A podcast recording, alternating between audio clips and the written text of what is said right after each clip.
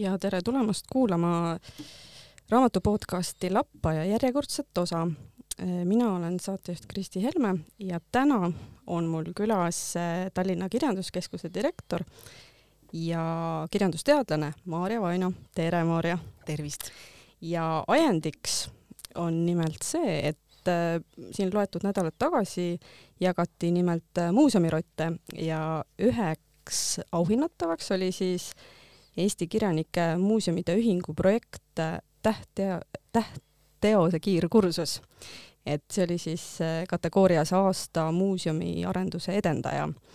et Maarja, räägi siis veidi võib-olla lähemalt, et mida antud projekt endast kujutab see on äh, meil endale üks hästi hingelähedane projekt, võib kohe alguses öelda, et me siin kirjanike muuseumidega teeme üsna tihedat koostööd, et võib kohe öelda, et Eestis on äh, kümmekond töötavat või niimoodi aktiivselt tegutsevat kirjanikumuuseumi ja mm, eks kirjanike muuseumid ju sellel muuseumimaastikul on pigem väikesed Nad on tavaliselt ka üsna keeruliselt paiknevates asukohtades, sest et kirjanikud tingimata sündides ja elades ei mõtle selle peale, et nende kodudest võiksid tulevikus muuseumid saada, mistõttu ei ole jah, kirjanike muuseumidel üldiselt seda luksust, et, et katsuks ennast sättida kuskile eriti ligipääsetavasse kohta või eriti atraktiivsesse suurte ruumidega hoonesse.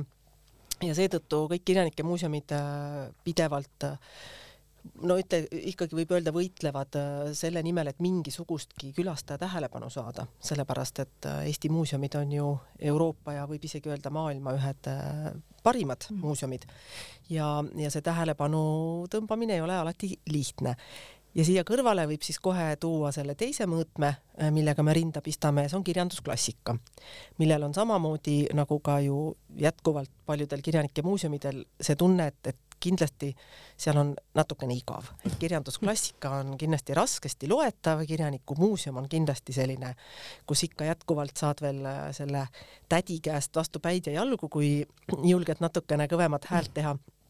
Ja eks see tähtteose kiirkursus seda mõlemat äh, eelarvamust püüab kummutada, et see seisneb kogu see projekt siis üheksateistkümnes videos, mis keskmiselt äh, kestavad umbes kolm minutit ja vaatluse all on äh, siis nende kirjanike muuseumide autori kas üks või kaks teost, mida me siis niimoodi kolme minuti jooksul üritame just selle teose kirjutamise tausta ja neid äh, erinevaid kihistusi avada, et inimesel tekiks nagu natuke selline uudishimu ja ka ahaa-elamus, et ta ei ole sellest kirjanikust või sellest teosest kunagi niimoodi mõelnud või neid asju teadnud mm. -hmm. ja eesmärk loomulikult on see, et ta siis tunneb huvi nii selle teose kui selle kirjaniku vastu mm. -hmm. ma vaatan äh, nüüd nimekiri, mille ma leidsin, kas, kas ma saan aru, et neid on kokku üheksateist? jah ja,, just, et alates siis Betty Alveri Tulipunasest vihmavarjust, Oskar Lutsu Kevade, noh muidugi Tammsaare Tõe ja õiguse ja kõige, nii et äh, Mati Undi Sügispall siin uuemast veel, et äh, kuidas täpsemalt te selle valiku siia tegite?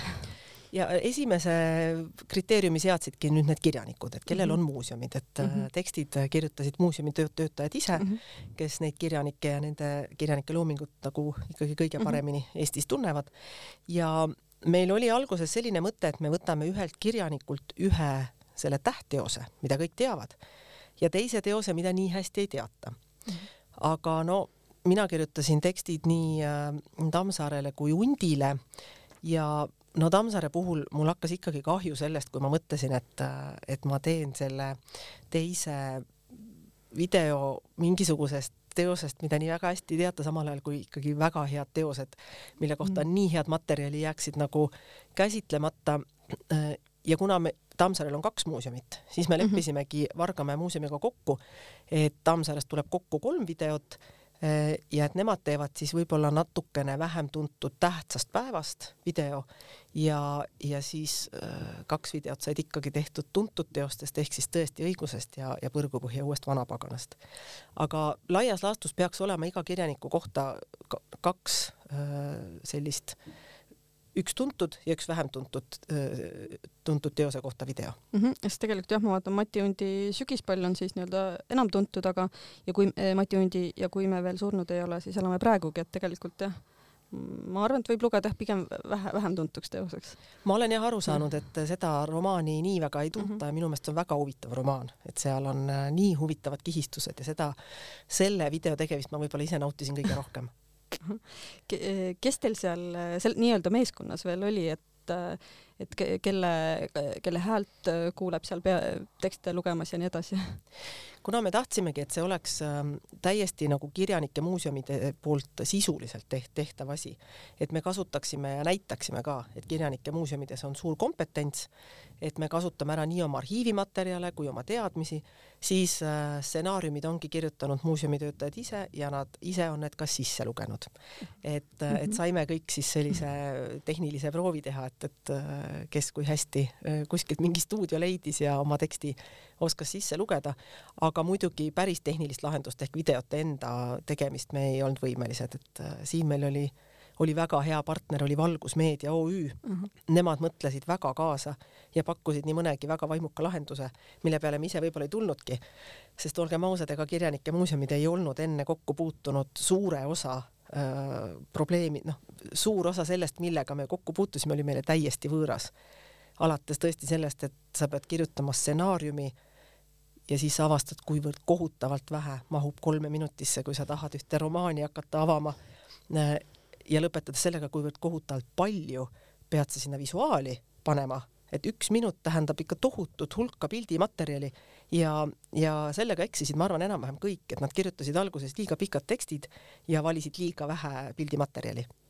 ahah, et eh, nad said nüüd äh, tehti ja valmis siis pigem, kas see oli eelmisel kevadel pigem või millal? E eelmise aasta emakeele nädalal Emakeele, esitlesime just. neid mm. -hmm.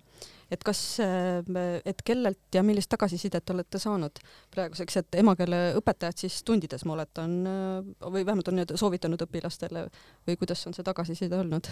ja meil oligi, miks me ka selle just haridusarenduse all saime selle muuseumiroti, eks eesmärk oligi ikkagi jõuda ennekõike koolidesse et õpetajatele anda põhjust äh, neid teoseid käsitleda, et neil on juba niisugune hea, ka noortele inimestele atraktiivne materjal olemas, mis ühtlasi annab ka võib-olla infot, mida õpetaja ise ka tingimata ei pruugi teada.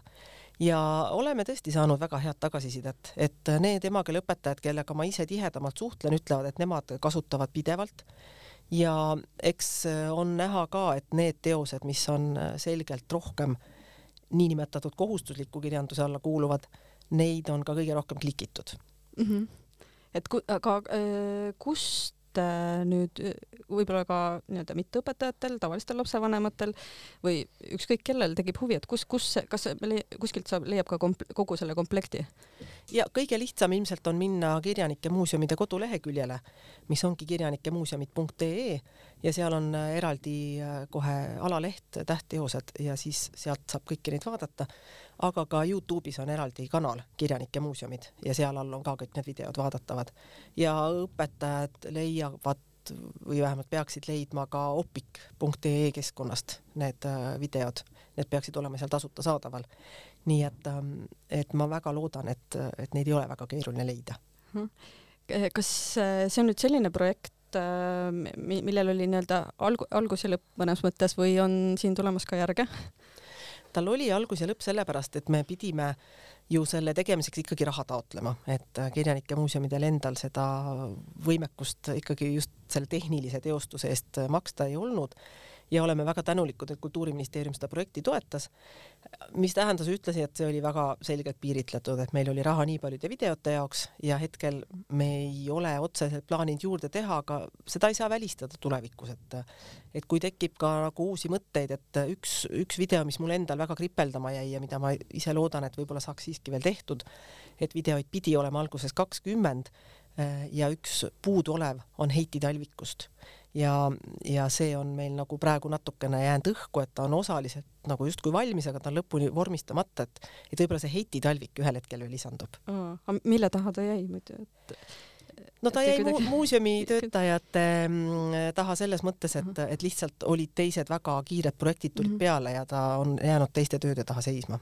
ahah, siis, siis võib küll, et loodetavasti ikka õnnestub ühel hetkel publikul näha seda äh, aga siis ilmselt no, ma ise arvaks küll, et äh, lapsevanemad võiksid ka julgelt äh, võtta selle ette, kui neile äkki tundub, et ähm, lastel on nii-öelda kaasaegsed huvid ja, ja ei, ei, tunne nii hästi nii tugevat tõmmet, kui võiks et see võiks hoida. jaa, ei meil, eks ta oligi nii mõeldud, et ennekõike saavad koolid kasutada mm, -hmm. aga loomulikult kõik äh, kultuurihuvilised inimesed, et, et need on lühikesed, sa saad sealt lühikese aja jooksul tegelikult palju huvitavaid fakte ja, ja isegi tänapäeva väga niisugune rööprähklev inimene kannatab selle kolm minutit ära, ma arvan, seal ekraani eest. nii et, ähm, et see on loomulikult mõeldud kõigile, mitte ainult mm -hmm. lastele mm. -hmm et, äh, et, et igal juhul jah, mina, mina loodaks küll, et tuleb veel, et täitsa, täitsa põnev just nimelt iseendalgi, ausalt öeldes oli täitsa tore vaadata, sest mulle tundub, et sinna kolme minutisse pandult äh, sellised lihtsad väiksed äh, faktid, nüansid, mis on nagu nii lihtsad ja geniaalsed, mille peale ise ei tule, siis ta nii-öelda see lapsepõlv tuleb kõik kuidagi meelde ja saadki sõna otseses mõttes targemaks kuigi oled juba täiskasvanud inimene, mulle tundus. ja eks äh, meil ju see on üks asi, mida me oleme aina rohkem kuulma hakanud, äh, võib-olla osalt ka seetõttu, et ise oleme selles eas, et, et sellised põlvkonnakaaslased ütlevad, et, et tahaks nüüd läbi lugeda uuesti kõik selle, mis omal ajal koolis pidi ja võib-olla isegi lugesin, aga ei mäleta enam midagi ja et nüüd ju loen nagu teise pilguga. Tammsaare kohta ma kuulen seda pidevalt, et äh, nüüd ma lugesin uuesti läbi ja see on, ta on tõesti hea kirjanik. seda on minu meelest ka Tanel Toom äh, öelnud, režissöör Tanel Toom siis, kes äh, vägagi suurepärase saavutusega sai hakkama, kes minu meelest on ka tunnistanud, et kooli ajal läks see temast üsna suure kaarega mööda ja alles hiljem taipas, äh, mida see raamat äh, Tõde ja õigus tegelikult sisaldab endas. ja et ta vist isegi hiilis äh, kõrvale selle lugemisest lausa.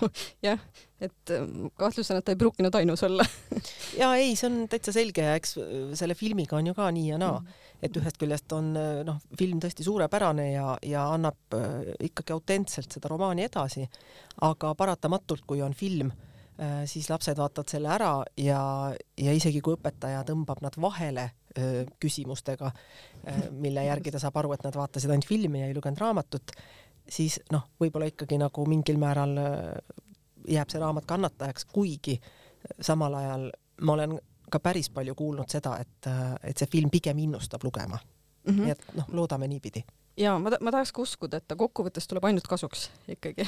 ja ei, kindlasti kirjandusklassika ekraniseeringud ikka, ikka tavaliselt, kui nad ei ole just täiesti ebaõnnestunud ja, ja seda romaani või, või teost nagu ära ei riku, siis nad üldiselt ikka pigem aitavad lugemisele kaasa mm. -hmm. et kuidas, kuidas sulle endale muidu tundub, et kas noorte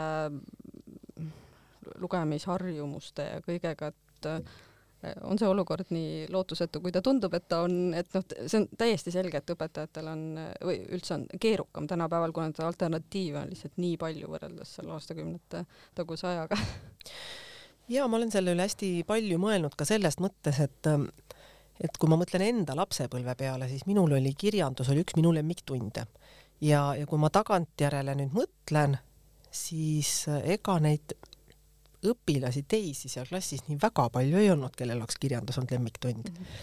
et võib-olla, võib-olla see on omamoodi illusioon, kui me mõtleme, et, et, et omal ajal me kõik mhm. hullult lugesime ja tänapäeval ei loe enam keegi. Et et, küllap oli ka tol ajal niimoodi, et äh, slikerdati ära, ei loetud seda kirjandust ja ega ma ise ka ju alati ei lugenud kõike.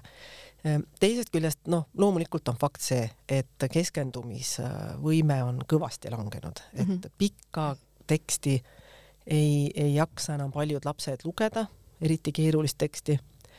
et mis on nagu olnud minu jaoks nagu väga huvitav ja mitte väga meeldiv avastus on see, et, et teinekord, kui palud noortel äh, Äh, mingisugustki lõiku ette lugeda valju häälega, siis nad jäävad sellega väga hätta. Äh, nad loevad sõnu, mis ei moodusta nagu normaalselt arusaadavaid lauseid. et neil on nagu, nad ei häälda korralikult sõnu välja, puterdavad, intonatsioonid on paigast ära, rõhud on paigast ära. Üldiselt, kui sa loed, siis automaatselt su pilk juba haarab lause lõppu, saad aru, kas seal on hüüumärk, küsimärk, kas ta jätkub komaga, on ta pikk lause et kõik need pausid ja, ja kõik, et nad kuidagi nagu ei, ei hõlma seda ja sa kuulad ja saad aru, et see on eesti keel, aga sa ei saa aru, mida sulle tegelikult mm. loetakse. et mulle on jah tundunud, et, et Eesti koolis võiks täitsa olla eraldi lugemistunnid, et, et see aitab juba eneseväljendusele nii palju kaasa ja selle teksti mõistmisele see valju häälega ettelugemine. ja seda, seda kindlasti, et et kuigi ma ise kooliõpilasi niimoodi lihtsalt ei satu kuulma väga või kuulama, aga näiteks noorte lauljate laulmise puhul, Eesti noorte laul, lauljate puhul on seda küll väga palju ikkagi ka välja toodud ja ma kuulen seda muidugi ka ise, et tõesti, kui lauldakse eesti keeles, siis päris mitmed näevad väga kurja vaeva eesti keeles laulmisega, et lihtsalt ei saa aru. nii et nagu vastupidine näide lihtsalt, et kuna tõesti see probleem on laiem, et siis mulle tundub, et et see selles mõttes oli nüüd Superstaari saates üsna juba sinna lõpupoole jõudnud, sest üks kahest finalistist äh, Vanda oli ta nimi, kui ma õigesti mäletan, lihtsalt ma, mul jäi nii meelde, et ühes voorus ta laulis äh, seda Gunnar Krapsi Tühjad pihud, selline klassika. ja Maarjali, mitte Maarjalis, vaid äh, Birgit äh, Sarrap oli seal žüriis ja ta tõi välja spetsiaalselt selle, et ma sain igast sõnast aru, mida sa laulsid. et järelikult ongi see ka noorte lauljate puhul midagi niivõrd mainimisväärset, et tõesti saabki igast sõnast aru, et, et see on natuke kurb, et kui noorte lauljate puhul inglisekeelses tekstis saab tegelikult kohati paremini aru, et oleks eestikeelsetele isegi subtiitreid vaja ja eks see ongi osa laiemast probleemist, sellepärast et äh, ega see ene, eneseväljendusoskus on ju ka teistes ainetes ülioluline. esiteks mhm. on sul oluline, et sa saaksid äh, aru kasvõi ülesande püstitusest, üks, ükskõik mis tund see on, see ei pea olema ju eesti keele tund.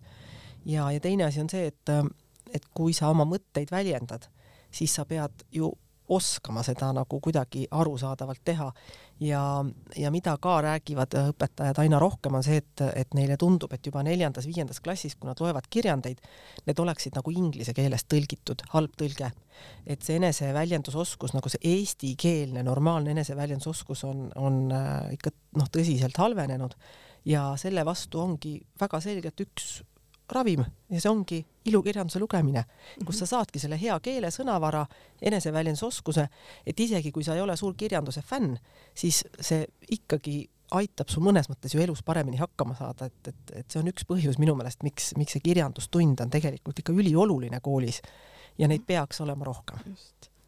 ja üldse, kuidas sulle tundub nüüd see see nii-öelda juba natuke kulunud väljend võib-olla, et inglise keele pealetung, et on olnud muidugi siin mitte kauges minevikus teistegi keelte pealetung ja oleme täitsa veel elus, aga, aga et, et mulle endale tundub küll, et inglise keel ta ikkagi tungib päris tugevalt ikkagi, mul on natuke kurb öelda, et kohati ma näen isegi ka ajakirjanduses, kui näiteks intervjueeritakse kedagi väga noort, kes kasutab väga palju inglisekeelseid väljendeid, väga otsetõlkes siis, siis jäetakse see sinna teksti sisse ja pannakse sulgudesse eestikeelne tõlge, et mulle endale tundub, et näiteks ajakirjandus saab siinkohal ka väga palju ikkagi ära teha, et isegi kui see noor ütleb, noh, ei tule ühtegi head näidet küll hetkel, aga ma ei tea, isegi selleni välja nad võivad öelda, et tähistamise asemel celebrate ida või noh, täiesti absurdne, kõlab nii, noh, minu vanainimese kõrvale vähemalt.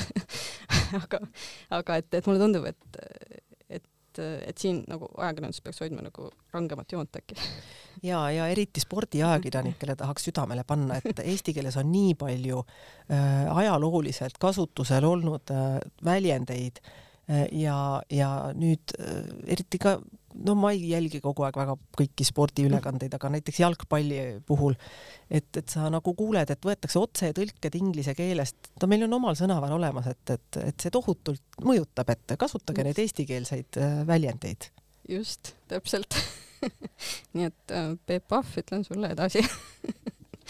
Aga... ma ei tea, kas tema on kurja ei, see... süüdi milleski, ma rääkisin üldiselt. ja, ja ei, ei, seda muidugi, ma nagu naljaga pooleks, et et et, et, et ma, ma siiski ise tahaks olla selles mõttes äh, positiivselt meelestatud, et äh, nii alates nüüd sellest äh, projektist kuni kõige muuni, et, et me ikkagi et eesti keel jääb ikka ellu ja ei no loomulikult selle, sellest tuleb lihtsalt mm -hmm. ka pidevalt rääkida mm, -hmm. sellepärast et mulle tundub, et kui paljudega lapsevanematega rääkida, et kas te olete vaadanud, mis toimub teie lapse tunniplaanis et äh, muidugi üldiselt väga hoolikalt sellega kursis ei olda, et, et noh, laps käib koolis, muidugi hinded olgu korras, aga et keegi ei süvene otseselt nädalaplaani. aga seal nädalaplaanis väga sageli vaatab vastu selline mm, pilt, et näiteks äh, neli korda nädalas on sul inglise keel, kolm korda nädalas on sul vene keel ja kaks korda nädalas on eesti keel. ja selles maailmas, kus niikuinii inglise keel tuleb uksest ja aknast ja need äh, lapsed viibivad äh, ikkagi põhiosa ajast inglisekeelsetes äh, veebikeskkondades, siis peaks olema ju täpselt vastupidi, et Mhm. see, see võõrkeel saadakse selgeks, see pole mingi mure, aga eesti keel ei ole ju ka asi, mis tuleb sulle sündides kaasa. ja, ja logopeedide juures ikkagi on aina rohkem neid lapsi, kes ei suuda teha valikut, mis on nende esimene keel, kas on eesti keel või inglise keel ja see on juba ikkagi nagu väga tõsine probleem, kui, kui, kui meil kasvab peale põlvkond, kes ei tea, kas ta esimene, kas ta emakeel on eesti keel või inglise keel, et see ei ole ikkagi normaalne. loomulikult on neid praegu vähe, nad mm -hmm. ei määra nagu pilti, aga need on ohumärgid, nendest noh, ei maksa ka sellise pseudooptimismiga mööda vaadata, et oh, et küll see üle läheb, vaid, vaid kindlasti on olemas mingeid riiklikke mehhanisme sellele rohkem tähelepanu pöörata ja, ja seda ei peaks nagu häbenema, et me mm -hmm. nagu peamegi emakeelt oluliseks, me annamegi emakeelele rohkem tunde, rohkem tunde tähendab seda, et me jõuame rohkem sellest keelest rääkida, seda keelt avada, kas või tegeledagi tekstidega, lugemisega, see ei tähenda, et nendest tundidest peab tingimata kogu aeg grammatikat hommikust õhtuni õppima, et et need on nagu olulised asjad, millele lihtsalt tuleb mõelda, et need tunduvad võib-olla nii loomulikud, et võib lihtsalt maha magada, et midagi on nagu valesti mm. -hmm. et ma jah, mul endal laps küll nüüd alles läheb sügisel kooli, et ma ise ei olegi nüüd viimastel aastatel väga hoidnud silma peal selle emakeeletundide arvu osas, et kui ma nüüd õigesti mäletan, siis äh, minu kooli ajal ikka võis, ma pakun, et ikka viis tundi olla nädalas. ja meil oli ikka iga päev. ja ma mäletan ka justkui, et see on siis ikkagi järjest ja järjest siin on kokku kuivanud. nojah, on üks väga kole uurimus siin mõned aastad, nüüd vist äkki isegi juba kümme aastat tagasi avaldatud üks doktoritöö, mis luges siis jah kokku, et võrreldes sügava nõukogude ajaga on praeguseks emakeeletunde koolides, seal oli mingi, ma ei mäleta, kas põhiastmes või nelisada üheksakümmend viis tundi vähem kui meil sinuga oli. nii et no see on ikkagi mõtlemapanev arv.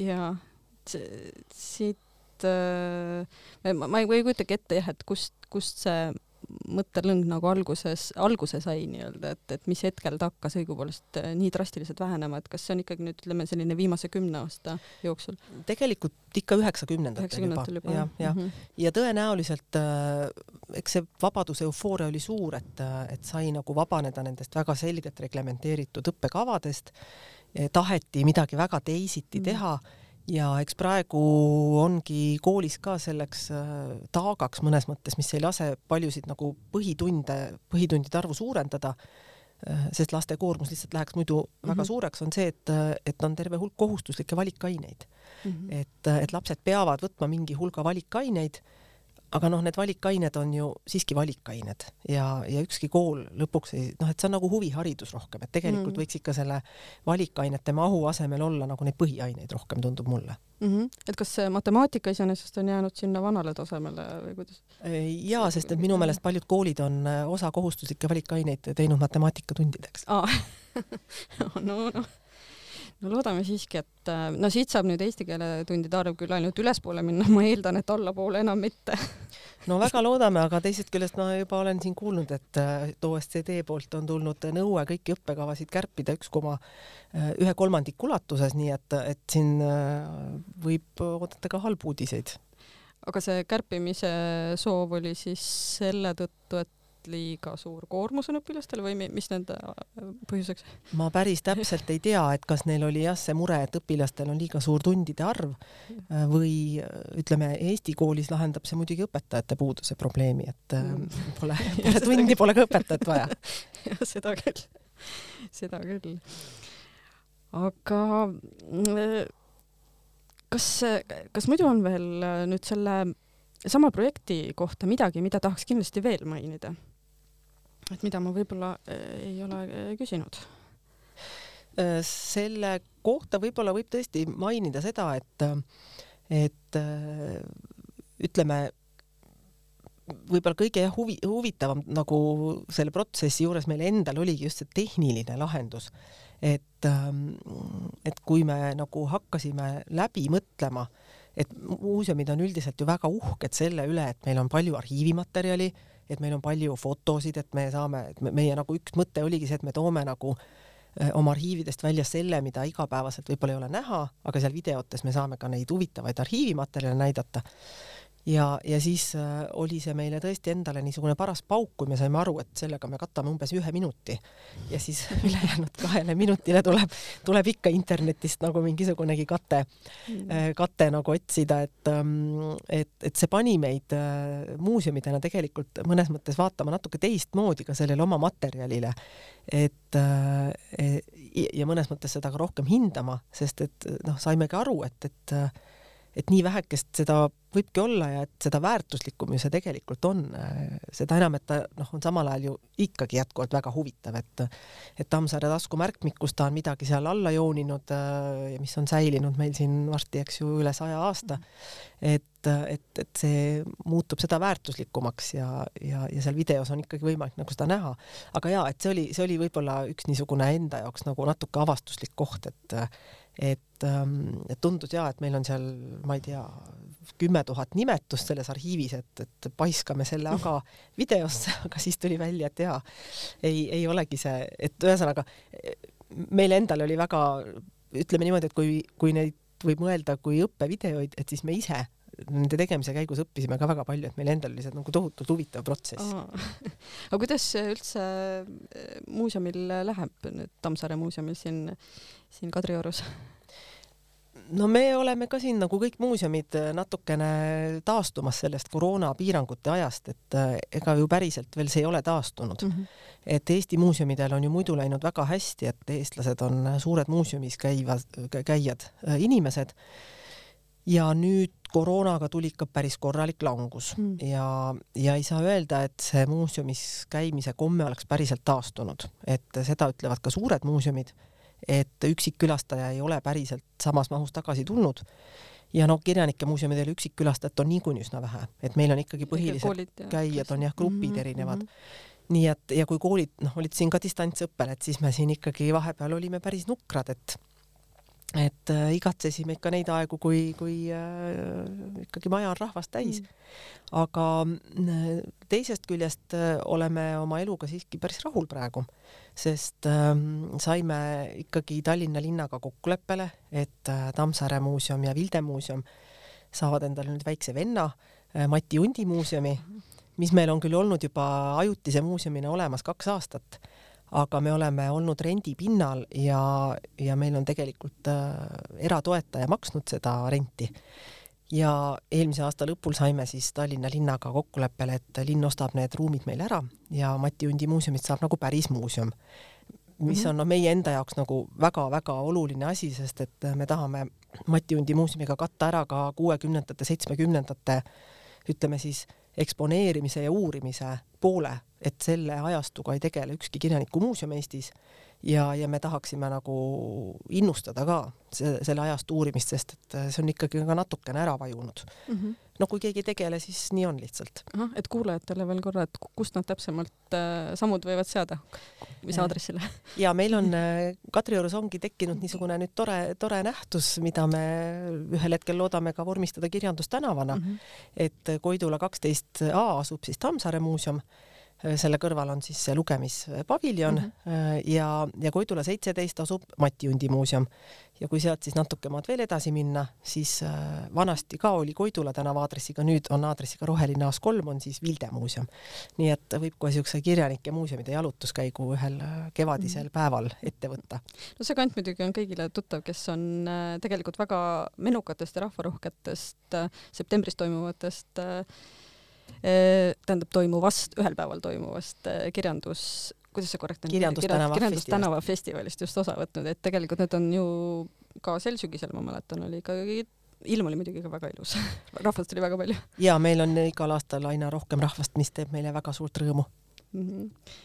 nii et, et seda on hea kuulda, et, et siin kultuurivaldkonnas ikkagi noh, on ka asutusi, kellel ei lähegi nüüd nii halvasti ei, selles mõttes kindlasti ja noh, meie peame olema siiski tõesti tänulikud, et meil on nagu väga toetav omavalitsus mm, -hmm. et see muuseumid kuuluvad omavalitsustele ka kirjanike muuseumid kuuluvad omavalitsustele ja see sõltub hästi palju sellest, kuidas su omavalitsus sinusse suhtub. et äh, on ikkagi omavalitsusi, kes kuidagi üldse ei väärtusta neid kirjanike muuseume, aga, aga meie peame selles mõttes olema rõõmsad, et, et mm -hmm. Tallinna linn on, on siiamaani küll olnud nagu meie, ütleme nii, et selja taga mm. -hmm. aga iseenesest nüüd äh, distantsõpet nüüd mõnda aega nüüd nii ametlikult vähemalt ei ole olnud, et õpilased siis ikkagi gruppidega käivad? ja grupid nüüd käivad mm, -hmm. nüüd on jah, see segadus muidugi koroonapassidega mingil määral mm -hmm. kehtib, et gümnaasiumiõpilastelt justkui peaks neid nõudma ja, ja siis on nagu küsimus, et kui kõigil ei ole, et kui need testid vahepeal ei lubatud, et, et negatiivne test ka, et, et siis nagu ei ole ju mõeldav, et, et, et õp, õp, yeah. õpetaja tuleb ja siis nagu kolm last jätab ukse taha või noh, ühesõnaga, et, et siin on igasuguseid oma, oma probleeme mm. -hmm. aga, aga üldiselt äh, on grupid saanud käima jälle hakata ja, ja praegu juba käivad päris hoogsalt mm. -hmm. sest kui ma ei eksi, kas see muudatus vist jäi nüüd ikkagi jõusse, et alates nelja, neljateistkümnendast ehk esmaspäevast siis õpilastelt enam ei nõuta minu meelest koroonapassi ja et see vist on mm -hmm. nüüd lo loodame, et jõustub mm, -hmm. sest see on tõesti tekitanud nagu palju segadust ja sellist noh, tõesti ebavõrdset kohtlemist, et kuidas mm -hmm. me siis äh, osadele õpilastele lihtsalt jätame nad sellest nagu teab teadmisest ilma mm. -hmm. et, et loodame, et äh, selle nii äh, passide kui siis kõige muuga, et ikkagi olukord saab ikkagi normaalseks ühel hetkel muutuda. jah, sest et eks äh, meil on olnud ju löögi all ka need prouad, kes istuvad seal kassas mm, ja kes on see mm -hmm. kõige suurem riskigrupp, aga nad on ise muidugi kõige vapramad inimesed olnud ja on väga, trotsivad kõige suhtes olnud. aga väga tore kuulda, et ähm, sellega me siis nüüd saate esimese osa tõmbame kokku, ehk saate teises osas on Maarjal ka paar toredat raamatusoovitust. jääge siis meiega.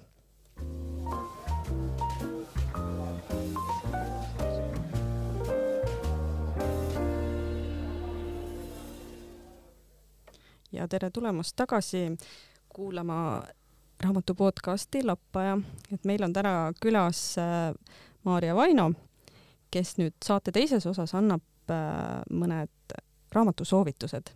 et milliseid raamatuid sa lugeda soovitad, Maarja?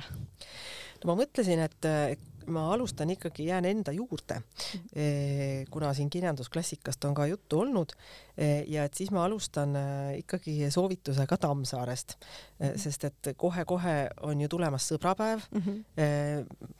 ilusad südametega igasugused reklaamid on linna peal väljas ja Tammsaare on ju autor, kes võib-olla Eesti kirjanduses kõige kirglikumalt ja huvitavamalt on kirjutanud armastusest, et mm. armastus on ju tema loomingu üks püsiteemasid ja ja kui rääkidagi teostest, mis võib-olla on vähem tuntud, siis äh, soovitaksin väga inimestel võtta kätte romaani Ma armastasin sakslast. Äh, see ei ole ainult armastusromaan, see on väga mitmekihiline romaan ja, ja tõesti ma arvan, et ta ei ole ka eriti paks, selle loeb täitsa nädalavahetusega läbi. või siis muidugi teine armastusklassika romaan Elu ja armastus, et mm, -hmm. et, et, et seda, seda soovitan ka lugeda, et, et ka seal on ju päris palju Rudolf Ikka selliseid ühiskonnateemalisi arutelusid, mis on äh, teinekord nagu rusikas silmaauku ka tänasele päevale mõeldes. aga muidugi ennekõike ka niisugune väga-väga hingeminev armastuslugu. ja, ja muidugi Tõe ja õiguse neljas osa mm. -hmm. ilmus muide kolmkümmend kaks, nii et väike juubeliaasta isegi mm. -hmm. et, et, et eks seda Indreku ja Kaarini lugu, äh, ma arvan, kes pole etendust käinud vaatamas ja üle lugenud, siis seda neljandat osa kindlasti tasub, tasub ka lugeda. et need on nagu sellised, aga need ei olnud kolm. no need olid nüüd üks komplekt. see oli üks, see oli üks ainult see oli Tammsaare komplekt. ja see oli Tammsaare komplekt, aga äh, ise loen praegu suure huviga äh, Maarja Unduski äh, Äh, äsja ilmunud monograafiat Ellen Niidust mm, -hmm. tema emast, mis kannab siis pealkirja Heleda mõttelaast äh, ja, ja see on küll üks tõeliselt tänuväärne teos, et ta on väga põhjalik, mahukas, hästi kirjutatud, hästi südamlik, samas ma ütleksin, et et tütre kohta ikkagi päris objektiivselt ikkagi nagu suudab ka sellist kõrvalpilku säilitada oma, oma ema suhtes. nii et ähm, mul on hästi hea meel, et kui muidu ikka räägitakse muudkui Jaan Krossist, kellel ka siin üheksateistkümnendal mhm. veebruaril järjekordne sünnipäev tulekul, mil muide avatakse Jaan Krossi monument oh, Harju tänava ja Kullassepa tänava nurgal et, ähm, et ikkagi Ellen Niit on ka saanud nagu sellise korraliku, põhjaliku äh, käsitluse, et neid kirjanike monograafiaid ilmub meil nii vähe, et äh, päris paljud kirjanike monograafiad on meil ju tõlgitud. Äh, Juhani Salokannel on, on kirjutanud nii Jaan Krossist kui Tammsaarest ühe monograafia, et, et, et et Maarja Undusk on jah, tohutu, tohutu töö ära teinud ja mulle tundub, et see raamat võiks hoolimata oma paksusest äh, suurt lugemishuvi pakkuda. jah, ma just vaatasin eile ka seda Rahvaraamatu lehelt, et üle kuuesaja lehekülje oli vist. aga seal on päris palju fotosid et, et ei tasu hirmutada lasta ei, ei tasu hirmutada ennast lasta, et võib ka fotosid pidi liikuda, kui tundub, et mm -hmm. aga ta on ka heal paberil mm, -hmm. heas suures kirjas, et mm, -hmm. et luge-, noh, lehekülge pöörad mm -hmm. päris kiiresti. et äh, Maarja äh, Undus siis, ta sai ilmselt ju ka väga hästi ligi kõigele, kõikidele dokumentidele ja kõikvõimalikele paberitele, ma ei tea, päevikutele kasutustele. ja, ja ta on hästi mhm. tohutult palju kasutanud seda kodu, koduarhiivi mm -hmm. ja, ja muidugi äh, ütleb ka eessõnas, et ta alguses mõtles, et ta kirjutab äh, natukene nagu memuaarteose, aga siis ta sai aru, et ta tegelikult peab tegema natuke ka kirjandusteadlase ja kirjandusloolase tööd, et äh, päriselt ikkagi inimest tema loomingust ei saa lahutada, et, et, et vahel on just loomingus sõnastatud midagi sellist, mida ei ole ei kirjades ega päevikus ega, ega vestlustes ega mälestustes nagu niimoodi välja öeldud, nii et et see oleks see teine raamatu soovitus mm. -hmm. väga, väga hea soovitus, väga oluline raamat. ja, ja kolmas on siis neile täiesti vastupidine, tõeline klibakas mm, -hmm. Mehis Heinsaare ööpäevik mm. -hmm. suurepärane lugemine, et äh, ühest küljest väga traagiline lugemine, et, et see hõlmab äh, päris pikka perioodi Mehis Heinsaare elust kus ta on siis teinud sissekandeid tegelikult võitlusest iseenda teemonitega. aga need on aeg-ajalt kohutavalt naljakad, et midagi pole öelda, kirjanik on kirjanik, ta oskab äh, mingeid asju kirjutada niimoodi, et, äh, et sa naerad ka läbi pisarate ja, ja mõtlema panevat ja mõnusat lugemist ja ei ole liiga kergekaaluline, aga ei ole ka liiga kuidagi painev mm, -hmm. nii et see on Loomingu raamatukogu. ja see on Loomingu raamatukogu, nii et raamat, mis mahub postkasti, nii et seda võib ka soovitada Just. lugeda, kes kardab paksu raamatut ma siia omalt poolt veel jah ütleks, et eelmisel aastal oli tegelikult ka väga hinnatud ja väga hea dokumentaalfilm Pingeväljade aednik ilmus ka Mehis Einsaarest, et see oli selline ka tore metsas müttamine täitsa omas maailmas jah, selline seisu, seisundifilm nagu jah. nii, aga, aga suur aitäh, Maarja, väga toreda ja põneva saate eest ja ma loodan, et veel päris mitmed nii õpilased, õpetajad, lapsevanemad, tavalised noored ja täiskasvanud leiavad siis üles äh, tähtteose kiirkursuse. loodame nii. nii, aga sellega siis äh, ongi meie tänane saade nüüd lõppenud, järgmise saate teeb taas äh, Peeter Kormašov ja seniks siis head lugemist